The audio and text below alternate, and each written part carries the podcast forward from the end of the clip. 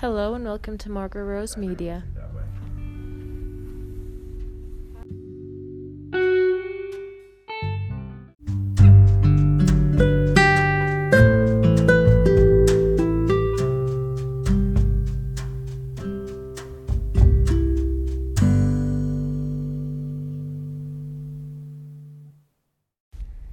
So, what how what is your experience with housing in Fort Collins during the pandemic since we're in a college town?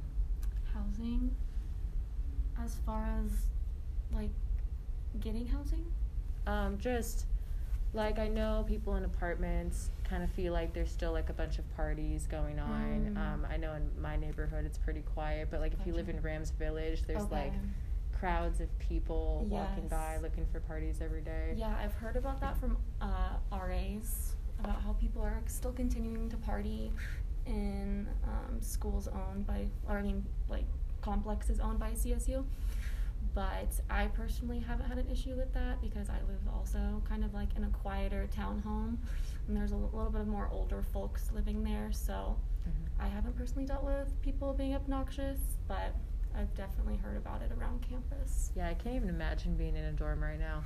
Yeah, that sounds terrible. All right, and then Okay. mine froze, so I'm just gonna. oh, yay. Oh well, it's in the lock screen. There we go.